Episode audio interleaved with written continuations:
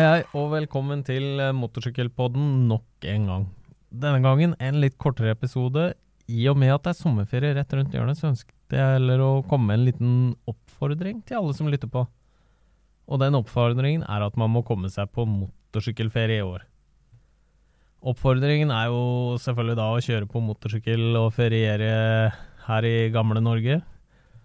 Og i tillegg så kan man jo også gå tilbake til noen episoder og høre den med Peter fra Kalvas Garasje, der vi snakker om å dra på langtur. Og har noen eh, Kanskje man får med seg et tips eller to til litt inspirasjon. Og motorsykkelferie kan jo være så mangt.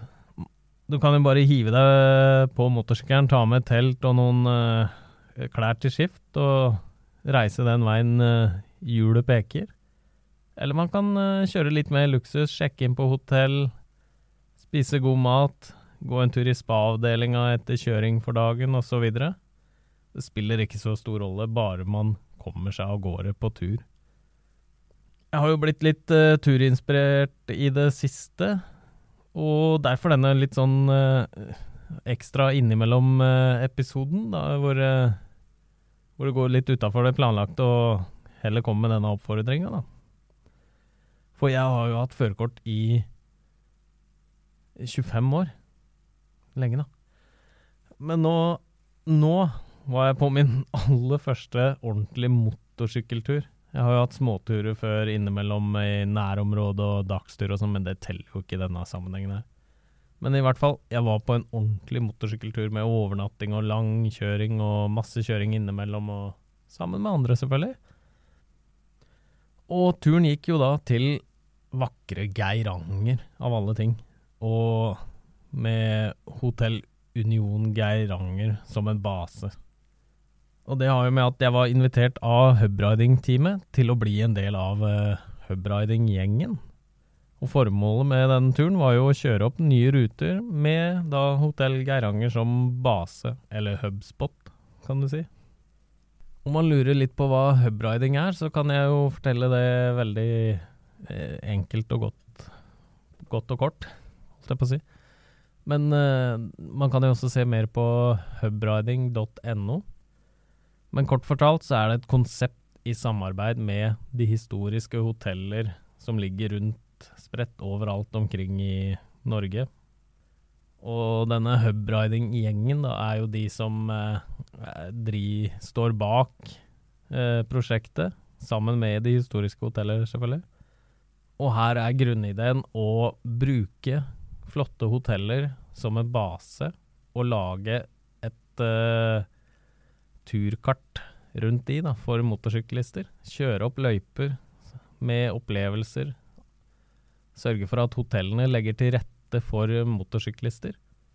Og det betyr jo da at uh, som motorsyklist, når du kommer til hotellet, så blir du ønska velkommen, og motorsyklene blir gjerne parkert litt uh, litt godt synlig i forkant, eller du kan gjemme den bak hvis du er litt redd for den.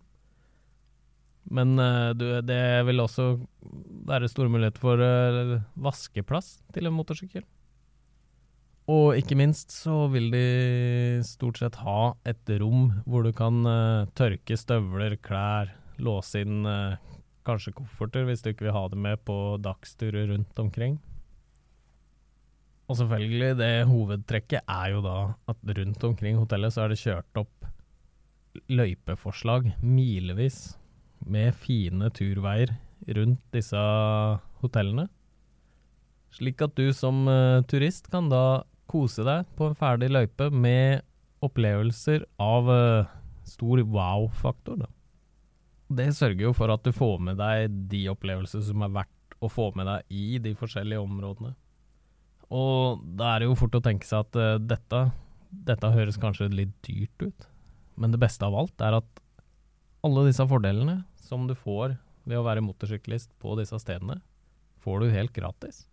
Ja, gratis.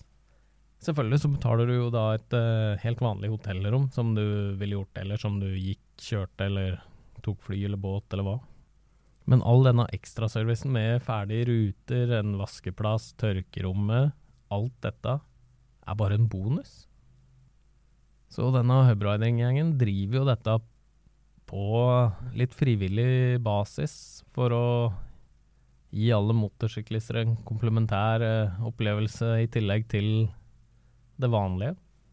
Så de hoteller som er med på hubriding, de eneste de egentlig gjør, er å legge bare til rette for at du som motorsyklist blir tatt vare på.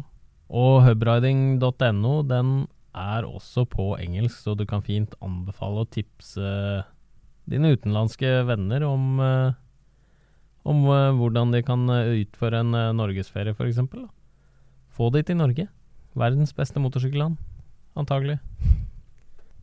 For i hvert fall for meg, da, som har vært på Isle of Man mange ganger, og når de da ser det store norske flagget mitt og hører at de er fra Norge, så begynner de å fortelle om at de Norge står på bucketlista deres, og da er det gjerne veier som Trollstigen, Atlanterhavsveien og, og den type ting de nevner, da.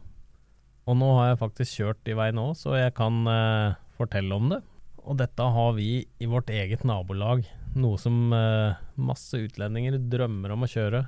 Så her må vi bare benytte oss av de, de mulighetene vi har i vårt eget land òg.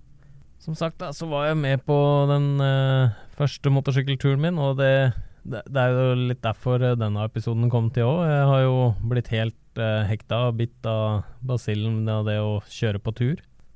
Fantastisk opplevelse. Så det vil jeg gjerne gjøre mer, og det fine med det er jo at du møter så mye folk. For det første fikk jeg være med denne gjengen med hubriding-team, da. Det besto av kjempekule karer og og det var fire flotte dager i fjellstrøk og dallandskap og jeg veit ikke hva er mer. Alt mulig rart, i hvert fall. Og i tillegg så var det enkeltmotorsyklister, par og gruppe som også kom eh, innom, og, og man kommer jo så lett i kontakt med andre motorsyklister. Og det er jo så hyggelig å møte hverandre, og så god stemning det blir. Om man drar på tur på dagtid, og på kveldstid så er skravlinga i gang, og, og, det er kjempehyggelig. Og det er jo det flotte med å kjøre motorsykkel, er å møte andre, og du kommer rett inn i modus, og man er på en måte en bestevenn fra første sekunden, kan det virke som. Så jeg vil jo da slå et lite slag for norgesferie med motorsykkel i 2021, selvfølgelig. Og jeg tipper at mange av lytterne har jo vært på det før, og for meg så er det jo Jeg har jo oppdaga dette nå, etter eh, så mange år, så jeg angrer jo på at jeg ikke har dratt tidligere. Så til deg med 125, eller deg med stor, tung hal i en GS, eller eh, R-sykkel, eller hva enn du må ha, reis på tur. Reis på tur i Norge. For uh, jeg, nå begynner det å åpne opp, men uh, det her er uh, Det er kanskje bra bra med ett år til i Norge før man begynner å spinne rundt i hele verden igjen. Og de lokale turistnæringene i Norge, de trenger hjelp fra motorsyklister. Reis rundt, bruk de rundt omkring i Norge, de som har slitt etter et par dårlige år. Nå er sommeren eh, endelig her, og sommerferien er rett rundt hjørnet. Så det er på tide å planlegge. Så legg til rette for en uh, langhelg, eller kanskje to uker, på motorsykkel, selvfølgelig. Det var jo da alt for uh, denne gangen, tenker jeg. Jeg har, uh, jeg har lyst til å kjøre mer motorsykkel, jeg.